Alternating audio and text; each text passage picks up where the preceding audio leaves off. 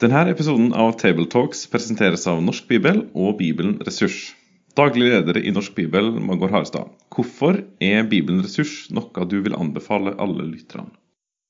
Fordi det er den største ettbinds studiebibel på norsk, og ifølge en bibellærer vår tids beste hjelpemiddel til bibellesning og bibelstudium. Det var en bra anbefaling. Takk for det. La oss lytte til dagens episode.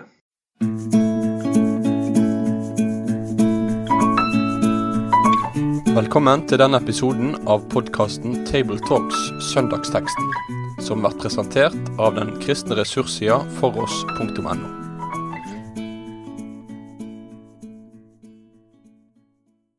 Da ønsker vi fra Stavanger velkommen til eh, Tabletalks igjen. og Den eh, gruppa som er samla her, det er Øyvind Solheim. Han er forkynner i NLM i Region Sør-Vest. Du har Erling Lundeby, han er arkivar i NLM og også ansatt på Fjellaug internasjonale høgskole. Og så er det Jan Helge Aarseth, som er ansatt i IKF, i det internasjonale kristne fellesskapet der, som eh, forsamlingsleder i Salem og her i Stavanger. Denne søndagen så er teksten henta ifra Markusevangeliet, kapittel 10. Og Da skal vi først høre bibelteksten. Den finner du ifra vers 28 til vers 31. Og da vil de lese i Jesu navn. Peter tok da til orde og sa til ham, Se, vi har forlatt alt og fulgt deg. Jesus svarte og sa, Sannelig sier jeg dere, det er ingen som har forlatt hus eller brødre eller søstre eller mor eller far eller barn eller åkrer for min skyld og for evangeliets skyld, uten at han skal få hundrefold igjen. Her i tiden med hus, brødre, søstre, mødre, barn og åkrer, sammen med forfølgelser, og i den kommende verden evig liv. Men mange som er de første, skal bli de siste, og de siste de første. Himmelske Far, nå ber oss om velsignelse over det som vi skal samtale om. Ber at du må åpne tanke og hjerte, åpne ordet ditt med Din hellige ånd, og vis oss det som du vil ha sagt, som er aktuelt for oss. Led oss du på veien til himmelen, og gjør oss til dine etterfølgere og vitner her. Amen. Ja, denne bibelteksten så er det disiplene til Jesus, og det er Peter som har ordet først her. Eh, det har vært en, en samtale og en sak i forkant av denne bibelteksten som er kanskje viktig å få med. Og Det er når Jesus møter en eh, unge mann på veien som kommer til han eh, og spør han, gode mester, hva skal jeg gjøre for å arve evig liv? Og denne bemerkninga som Bibelen gir oss, at denne unge mannen han var svært rik. Hva er det som eh, ligger i dette, og hva er det som skjer her, forut for Peter sine, sitt, sine ord? Ja, det er åpenbart at her eh, er vi nødt til å gå inn i den konteksten som teksten vår er henta ut av. Og jeg tror faktisk at jeg ville begynt litt før eh, Jan Helge. Fordi før denne rike unge mann, så forteller eh, Markus også om Jesus og barna. Overskriften i min bibeloversettelse. Eh, Jesus tar imot de små barna, og barna er forbildelige når det gjelder hvordan ta imot Guds rike. De forventer ikke noe annet enn beskyttelse og omsorg, og de får alt. Og så kommer en rike unge mann, og han eh, stiller et spørsmål. Et feil spørsmål, så klart. Det er, det, er, det er, feil stilt, for han spør hva skal han gjøre for å arve. Men Vi kan ikke bruke så veldig mye tid på det, men poenget er at nok at han har en, en slags lovisk tankegang som han har behersket av. Og så avslører også Jesus i eh, den samtalen som de har, at uh, rikdommen som han uh, mener han Han har jo fulgt uh, Guds bud. Den rikdommen som han sitter på, den binder han skikkelig. Uh, og Da Jesus tok det opp, så ble han veldig nedslått og gikk bedrøvet bort. Og Jesus lar han gå. Så, så det er den,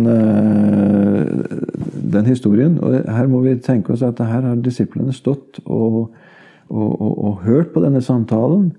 Og denne rike unge mannen eh, I en parallelltekst står det vel at han var en rådsherre. en innflytelsesrik person. Og at Jesus avviser ham, det må ha vært et sjokk for disiplene. Skikkelig sjokk eh, at Jesus tar så hardt på ham. Ja, og så blir det jo enda, enda mer eh, forskrekka når han fortsetter å reflektere Jesus over det som har skjedd. Denne som har gått bort, og hvor han sier hvor vanskelig det vil være for dem som har rikdommer å komme inn i Guds rike. Og Da står det uttrykkelig disiplene blir forferdet over hans ord. Og så fortsetter Jesus med på en måte å understreke hvor vanskelig det er for en rik, med et bilde dramatisk med nåløye, og som eh, at det er vanskeligere for en rik å komme inn i Guds rike enn for en kamel å komme gjennom et nåløye. Så, så, så disiplene blir forskrekka, og så blir de forskrekka igjen og forskrekka igjen. Eh, og Det er på en måte litt bakgrunnen for, for det som teksten begynner med, når Peter begynner å snakke. Men kan jeg si her, hvis en tenker på dette, hvis en tenker bergpreika, dette valget mellom å elske Gud og elske mammon, at her stikker Jesus på en måte kniven i det som er Hvor er kjærligheten din? Hva er det du elsker og stoler på? Hva er egentlig din Gud? Var ikke det det det gikk for også for det her og, eh, når det gjaldt i dette spørsmålet? Jeg tror jo at Jesus avslørte Eh, den rike unge manns binding til sin rikdom. Eh, han mente han hadde holdt budene, altså elska Gud og sin neste. Men rikdommen hang han fast med som sin Gud, den han hadde sin trygghet i. Men han også sannsynligvis ikke hadde delt sin rikdom med sin neste. Han beholdt den både sånn at han, det var den han stolte på, ikke Gud, og han beholdt den og delte ikke med sin neste. Og så var han avslørt, på en måte. Det kan nesten virke kanskje for disiplene som at Jesus nesten lukker døra til himmelen. Eh, og at det, de, det, er vel at de speiler seg, ikke bare den rike mannen, men de begynner å speile seg sjøl og se seg sjøl inn i dette og blir forferdet, står der, og engstelig kanskje. Men kan da bli frelst, sier de. Det er det de sier. Ja. Ja, Jesus tegner jo opp det som ser ut som å være en umulighet. Men da avslører at for mennesker er det umulig, men ikke for Gud. Eh, sånn så Der vekker han jo til live også det som de huska som skaperordet eh, og erfaringer tidligere, at Gud gjør ting mulig som ikke var mulig. Eh, utgangen av Egypt og overgangen til Overgangen over Det røde hav, f.eks., og slik. Det, det, var jo åpenbare under hvor Gud gjorde det som var helt umulig i menneskers øyne. Så det var en levende Men, men hva betød det her? Det er jo det som gjør at Peter stiller spørsmål som, en, som på en måte dirrer. Enten som nysgjerrighet, overraskelse eller kanskje til og med desperasjon. Og Da tenker han på sitt eget liv? Altså om han vil komme inn? Ja, jeg tror det. Hva med oss? Her står det i, i uh, min oversettelse, som er Bibelselskapets uh, eh, 2011 Hva med oss? Vi har forlatt alt og fulgt deg. Uh, men jeg tror noen andre oversettelser Ja, her står det f.eks. å se. Vi har forlatt alt og fulgt deg. Så her sånn umiddelbart så, så hører jeg på en måte nesten denne litt vel frimodige Peter, denne kjekkas, han som seinere sier at om alle de andre forlater deg, Jesus, så skal ikke jeg gjøre det. Jeg vil gå i døden for deg. Så, så, sånn umiddelbart så opplever jeg kanskje at det er den trygge og sterke Peter og impulsive. Men kanskje er det ikke det. Eh, det kan like, tror jeg. Eh, jeg tror ikke Peter var så endimensjonal at han var bare impulsiv mm. hele tiden. Han kan også her ha blitt trukket ut på dypet. Mm. Uh, husk hva han som også sa da Jesus en gang 'Gå fra meg, for jeg er en syndig mann'. Mm. Når du snakker slik til den rike Jesus, mm. hvordan er det da med oss? Ja, for det sto jo de var forferda. Det står jo at de var forskrekka. Så, så, så, det tyder kanskje på at nettopp Peter var blitt litt usikker. Hva, hva, med oss? Kanskje han heller var usikker og trengte eh, en slags bekreftelse fra Jesus. Og, og Jesu måte å svare på kan jo tyde på det også. For Peter blir her ikke irettesatt eller tatt i skole som ved andre anledninger. Fordi Jesus svar er på sett og vis beroligende, slik jeg ser det. Altså, Peter var ikke på bar bakke. Det betydde ikke at han hadde kutta alle bånd til sin far og til forretningen og fiskeriet og all sin familie. Det var ikke slik det var. Nei, eh, vi ser vel i evangeliene at av alle så ser det ut som Peter hadde en familie intakt hjemme i Kapernaum. Og fiskebåten og garna og slik. Og det brukte han, ser det ut til, eh, i sin tjeneste, fordi etter all sannsynlighet så var det der Jesus besøkte eh, ved flere anledninger. Iallfall så har vi jo i uh, Matteus 8 at han var der da hans svigermor var død. Eller feber, ikke død. Feber. Så, så, så, Peter hadde jo en familie og hadde kontakt med de fortløpende. Og Det var vel også etter den siste påske med Jesu døde oppstandelse. Da var de vel tilbake i fiskeriet i, i Galilea i en periode der. Og Paulus nevner vel seinere at til forskjell fra han, så hadde de andre apostlene, Peter og de andre, med seg konene sine rundt om når de reiste. Sånn at uh, dette oppbruddet er ikke helt absolutt. Vi, vi ser jo også uh, til akkurat det punktet om å forlate alt, liksom. Uh, Jesus reiste rundt, står det, i Lukas 7. Men så var det da en rekke kvinner. Det nevnes navnet på de. Med det de eide, hjalp de Jesus og de tolv, står det. Så da må en se for seg at eh, av og til så var de sammen med dem. Så gikk de hjem, og så var de hjemme ei tid, og så kom de tilbake igjen, hadde med seg ting. Eh, slik at det, det var ikke eh, noen som hadde kutta alle bånd til hjemmene sine og, og, og, brent alle broer. Jeg tror ikke vi skal forstå eh, Jesu ord på den måten. Så det er, ikke, det er ikke slik at Jesus har bedt alle om å det samme som han ba den rike unge mannen om å selge alt og følge han. Men det skjer jo et oppbrudd. Altså En kalles jo til oppbrudd når en kalles til å følge Jesus. Og det er jo det de viser til. Vi har Hva med oss som har forlatt og fulgt deg? Og, og, det er jo sånn når Jesus inviterer, og det er jo det som er litt underlig med, med hans rike. Han, når han inviterer til sitt rike og til å følge han, så inviterer han oss til å dø. Ta ditt opp, kors opp og følg meg. Og Samtidig så er det med det en vinner livet.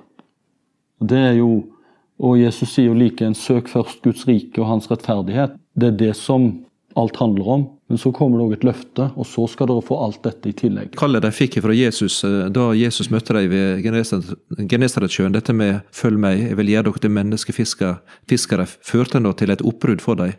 Altså De lot Ghana ligge bak, og de gikk inn på en, en, en, ny vei og brukte sitt liv på en annen måte. Og, og gikk en annen retning enn, enn den som var forventa kanskje av far, at de skulle ta over familiebedriften. Eh, så livet ble helt annerledes for Peter og de andre enn det det hadde vært utenom hvis ikke Jesus hadde vært der. Mm. Nå er det vel de som opplever at dette oppbruddet og denne omkostninga er ganske stor også i dag, med tanke på å følge Jesus. Eh, nå tenker jeg på de som en hører om i den muslimske verden, som eh, tar imot Jesus som frelser. De får en ny retning på livet, et nytt innhold, men også i det ytre så vil det vel føre til store omveltninger, store omkostninger, egentlig. Eh, det er vel ting vi hører om og ser, også her i vårt land. Ja, i forsamlingen i Stavanger så har vi jo eh, personer som har utrolig sterke historier om hva de har måttet reise fra. Eh, men så kan de da også vitne om og, glede seg over det som Gud har ledet de inn i. Der de måtte reise fra familie, venner, nettverk, alt som de hadde rundt seg og så kommer de inn i en ny sammenheng hvor den kristne fellesskapet er eh, brødre, søstre, mødre, barn. Og kanskje ikke åkrer, men iallfall en leilighet. Eh, sånn som Gud, Gud eh, har dratt omsorg for dem. Eh, fordi de, eh, og de, og de har opplevd hans vern i, i den forfølgelsestida. Det er ikke lenge siden jeg hørte en uh, kristen som kom fra en muslimsk sammenheng, og hun vitna veldig frimodig om at hun hadde fått en ny familie, en ny setting. En, en, en, altså født inn i en, ny uh, sammenheng som var knytta til, som var helt annerledes enn det hun hadde før. Uh, så denne, denne Jesusfamilien, den er veldig viktig, og den holder Jesus fram her med tanke på dette. Ja, Så det er på en måte det som ligger i det at det svaret Jesus gir til disiplene, hva oss som har forlatt deg og fulgt alt? Hva med oss? Er det det Jesus svarer, da? At eh, jeg vil sørge for dere når han sier at dere skal få hundrefold igjen, både her i tiden og i det som kommer? Er det det, det Jesus snakker om her? At han sørger for de som våger oppbruddet? Jeg tenker iallfall at hvis eh, altså det, det, det som fangen skrev, at Guds menighet er jordens største under. At du får et, et fellesskap og du får bånd, og det har en opplevd kanskje i, i misjonsarbeidet. At en er kommet til ei bygd eller et hus eller en heim med, med å møte en familie eller en person en aldri har sett før. Og så opplever en fellesskap, og så opplever en at en står sammen. og Opplever styrken og, og, og målet som det en eier felles, og gleden det gir. Eh, og dette kristne fellesskapet er noe som er veldig viktig. Og hvis en blir borte fra det, så vil en svekkes som kristen og kanskje på sikt falle helt ifra. Eh, så den kristne menighet er på en måte det som Jesus har gitt oss som en ny familie, som vi skal få leve i og virke i og tjene i, og bli løfta opp i og styrka i. Ja, jeg tenker litt i forlengelsen av det Jesus sier i bergprekenen om, om at en ikke kan tjene både Gud og mammon. Han på en måte ber oss å bryte opp fra tyrannen mammon, den ubarmhjertige mammon. Og følge han og satse livet og stole på han, at han sørger for en.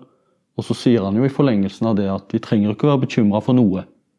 Han vil sørge for oss. Og det er jo da ordene kommer også, og søk av Guds rike og hans rettferdighet. Så vil du få alt det andre i tillegg. Så, så så det er skremmende å bryte opp, men han sørger for oss. I vers 31 så sier jo Jesus mange av de første skal bli de siste, og de siste skal bli de første. Det er, fungerer på sett og vis som en slags oppsummering fra Jesus' side på det han vil si, tror jeg, også i de litt foregående avsnittene som vi begynte med. Fordi Guds rike er et så annerledes rike. Eh, den som trodde han hadde sitt på det tørre, vil ikke være med der. Mens de som mange anså som uaktuelle, de vil arve Guds rike. Barna i vers 13 sa vi, de hadde ingen krav eller forventninger eh, og ble ikke ansett som noe. Men Jesus ønsker de velkommen. De fikk alt. Mens den rike i vers 16, han eh, hadde gjerninger, han hadde forventninger, men han gikk glipp av alt sammen. Gud ser og beregner på en, på en annen måte. Og den, den, som ser ut til å mangle det meste, han, han uh, skal få oppleve at uh, Jesus uh, vil, vil gjenopprette det som du trenger for din tjeneste. Og det liv som han ser for seg i, i det som kommer. Jeg syns det er flott det som du sa, Øyvind. Dietrich Bonhoeffer begynner sin etikkbok Bonhoeffer det var han som ble fengsla under krigen fordi han var en motstander av Hitler. Eh, og led eh, døden i april, rett før eh, naziregimet kollapsa. Men han begynner boka si når Gud kaller oss til seg, så kaller han oss til å dø, sier han utrolig radikal eh, Kristusforfølgelse. og Det gjør eh, å lese boka utrolig spennende, og han fulgte opp i livet. Eh, men, men eh, han hadde et perspektiv utover sitt eget liv, og det bar han. Eh, sånn så den rike unge mann, ja, han måtte eh, forlate alt. Eh, men jeg tror det er riktig som vi har påpekt, at det gjelder ikke for alle. Bonhoeffer også opplevde ikke å få livet i gave etterpå. Det kosta han alt. Men han vil få sin lønn i uh, himmelen. Nå er det ordet nevnt av Jesus da, inne, sammen med dette, den omsorga den, den en sørger for, det, altså både med, med, praktiske liv og i fellesskap, at de ikke skal stå alene. Og så kommer dette året sammen med forfølgelser. Altså Midt over det hele så det er ikke noe sånn eh, idealisering av et, et, et enkelt liv, men det er vanskeligheter vil komme, og forfølgelser fra den vonde verden. Eh, og kanskje både fra familie og slike som en har kjent før. Motstand. Eh, det vil, det vil også følge en. som en truende i verden. Og Jesus han legger ikke skjul på at dette det vil en oppleve. Og nå er det vel slik, hvis en ser Åpne dører sine statistikker, at vi lever vel i antall i en av de største forfølgelsestider i kirkens historie. Eh, de kalkulerer vel med i hvert fall 200 000 truende som hvert år mister sitt liv pga. den kristne bekjennelsen. Eh, så eh, det er mange som vil lese dette og si ja, men slik har jeg det i min hverdag. Ja, Jesus sa har de forfulgt meg, så vil de også forfølge dere. Så det, det, det, det hører med å, å, følge Jesus også, også den biten, helt tydelig. En typisk problemstilling i dagens samfunn i møte med hva som helst. What's in it for me? Hva, hva, hva kan jeg få ut av det? Uh, og da, da, viser jo Jesus her at uh, noen tenker uh, et liv i trygghet, med forsikring, med fallskjermer og beskyttelse på alle kanter. og derfor for innsats og lønn etter, etter fortjeneste. Det er det som er gjeldende logikk og tankegang. Men Guds er på en måte noe annet for. Der, der tenker en ikke økonomi. Eh, der mottar jeg livet som gave. Den kjærlighet som Gud har vist meg, den eh, Mitt gjensvar er å følge eh, Jesus og bli et del av det fellesskapet som jeg kan være der som Guds barn. Og som jeg på en måte risikerer alt, men da også får alt. Det er, det er en annen realitet som vi på en måte inviteres inn i. Ja, for det, det, I tillegg til her i tiden, så nevner Jesus også i den kommende verden evig liv. Der er det eh, all velsignelse og alt en kan få. Det, det, er jo litt underlig men altså Jesus snakker om uh, forsikrer på en måte Peter og de om at de skal få lønn både her i tiden og, og i det evige ved å følge han. Uh, og vi tenker med en gang kanskje lønn litt sånn etter fortjeneste og sånne ting veldig fort, vi. Eh, men rett i forlengelsen av eh, eh, denne beretningen i Matteus sin versjon, etter at Jesus sier at de første skal bli det siste, og de siste skal bli de første, så går han over og forteller en underlig lignelse om en, en husbond, en vingård, hvor han, hvor han lønner arbeiderne sine på en helt annerledes måte enn vi gjør i vår virkelighet. For han lønner en som har jobba og slitt hele dagen, med akkurat samme sum som han som har kommet inn bare på slutten av dagen og vært med i den siste arbeidstimen. Og så, og så sier Jesus ja, men, og så murrer noen pga. det, og så sier han ja, men hvorfor reagerer du på det hos meg når jeg er god? Altså I Guds rike så, så, så lønnes det på en annerledes måte enn vi ofte tenker. Det er ikke etter innsats og fortjeneste.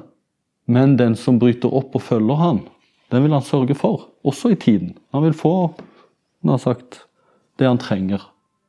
Det betyr ikke at en nødvendigvis får et godt liv, som du nevnte Bonhoffer, som mista alt. Men, men, han sørger for oss. Hebreerbrevet 11 er jo kapitlet som lister opp alle trosheltene i Det gamle testamentet. Som eh, veldig mange av de eh, mista alt, og mista livet. Profeten Jeremias også. Eh, et eksempel på det samme. Eh, sånn så eh, Vi skal også ta det med Når vi sier at Gud skal sørge for oss, så må det være i et, i et litt lengre perspektiv. Mm. Jeg har alltid hatt veldig glede av å lese C.S. Lewis, og det er et avsnitt i den boka 'Djevelen dypper pennen', som jeg syns er meget god. Eh, der sier eh, seniordjevelen til en yngre kollega. Nå siterer jeg 'Du må ikke da deg narre'. Vår, svak, vår sak, som er altså djevelens sak nå, den svever aldri i så stor fare som når et menneske som ikke lengter etter å gjøre vår fiendes vilje, likevel gjør den, han ser seg omkring i et univers hvor hvert spor etter ham synes å være forsvunnet, og spør hvorfor han har forlatt ham, og likevel adlyder ham. Eh, altså, den, den kristen som, som, ikke følger Jesus fordi han har fortjeneste av det, men fordi han bare er bundet til Gud i et kjærlighetsforhold. Etterfølgelsens belønning ligger i etterfølgelsen selv, er det en annen som, en som har sagt. Etterfølgelsens belønning ligger i etterfølgelsen selv. Du henger fast ved Jesus på tross av forfølgelse, på tross av seg. Og så vil en oppleve at Gud eh, bærer en eh, i, i, i, den tida som er. Eh, med tanke på det, så jeg har også et eh, vers fra 1. Tessalonikerne 2, 19 og 20. Når Paulus ser fram på, med tanke på belønning eller lønn som en skal få se, hva, en, en, hva blir stående igjen ut av mitt liv i møte med alt dette? Og Da svarer han da til tessalonikerne, for hvem er vel vårt håp, vår glede, vår hederskrans, om ikke nettopp dere når vi står for vår Herre Jesu Kristi, Jesus i Hans komme. Dere er jo vår ære og vår glede. Så det betyr altså at det er de som Paulus tenker han kanskje fikk bety noe for, som han fikk eh, være med å bringe Jesus til. Eh, kanskje ikke alltid at han så det og visste om det, men han så for seg at der framme i himmelen så vil han møte enkeltmenneske som er frelst på grunn av at jeg var til, og gjennom mitt liv, og det er verdt det. Det er verdt den prisen som han har måttet leve og gjennomgå i sitt liv, og alt det, det vonde han fikk oppleve. Eh, fordi det er noe så mye større, og det er frelste mennesker som vil vente eh, der framme. Eh, nå, Erling, du tenkte litt på dette med denne, disse familieforholdene her. I dette fellesskapet. Der er en, en viss sammensetning her av, i vers 29 av, det, av disse dette fellesskapet. Hvordan skal vi tenke om det? Jeg tenker på det som jeg ble tipsa om av en, uh, av en person. At det står uh, du har forlatt hus eller brødre, søstre, mor, far eller barn, åkrer. Uh, så skal du få igjen hus, brødre, søstre. Det står ikke kone der. Jeg syns det har vært beklemmende og, og tragisk der hvor noen går ut av ekteskap uh, en, fordi de har vært i en trengt situasjon. Og så tolker de det som forfølgelse. Og så bryter de inn i et nytt ekteskap. Eh, og så sier de at det, Gud har velsigna meg med en, en, ny kone. Og, og, og forventer da at eh, den kristne forsamling skal akseptere det. Det syns jeg det er litt spennende. At uh, kone er utelatt i, i, i, den lista. Så en skal være litt forsiktig med Men, men, men uh, ikke, ikke legg for mye i det. Mm, nei, men det kan være et poeng å ta med. Uh, for det, det, kan, det, er nøye, viktig at en, en er nøye med, med, det som blir sagt, at en ikke på en måte vender det. For det er noen som, som, som, som tolker motstand, all, all motstand, vil de åndeliggjøre. Og så blir det en, en, en, en måte å, ja, eh, og, en måte å slippe unna problemer på. Så er det vel, jeg tenker på her mot slutten, at eh, på en måte Jesus sier og understreker at en har brutt og en har forlatt noe for min skyld, for evangeliets skyld. Altså det er noe med Jesus som de eh, har funnet umistelig, altså som en skatt. altså som de Altså det er noe det er verdt å gi opp noe annet for. Altså Jesus eh, understreker at det er jo dette det handler om. De som har brutt opp for å følge meg. For evangeliets skyld. For det er Jesus det handler om. Den invitasjonen vi kalles til når det handler om å bryte opp, det er jo å være med Han og følge Han. Nå gjør vi denne innspillingen midt i september. Nylig kom en beskjed om at uh, en uh, kjent forfatter som heter Nabel Qureshi, er død. Uh, hvis du ikke har lest boka hans som kom ut på Lunde for to eller tre år siden, som heter 'Søkte Allah, fant Jesus', så vil du få en meget god innføring i hva det vil si av indre kamper for en som er muslim. Eh, men som tar konsekvensen om å bryte med familien. Han, han, eh, han gjorde det, og, og, skildrer det på en, en, en, veldig fin måte. Det er ikke en bok du skal gi til muslimer, eh, men heller en bok som kristne bør lese. For å, å, å gi kjøtt og blod til det Jesus snakker om her. Mm. Så det, det, Den boka vil jeg gjerne anbefale. Nabel Qureshi søkte Allah, fant Jesus. Og nå er han faktisk eh, hjemme hos Herren. Takk, Herre Jesus, for at eh, du er verdt å følge og verdt å tilbe og verdt å tro på. Takk at selv om det kan koste å følge deg, så sørger du for oss både her i tiden og i evigheten. Må du velsigne hver enkelt lytter til å følge deg og oppdage deg. Med det sier vi takk for følget for denne gang. Finn flere ressurser, og vær gjerne med å støtte oss på foross.no.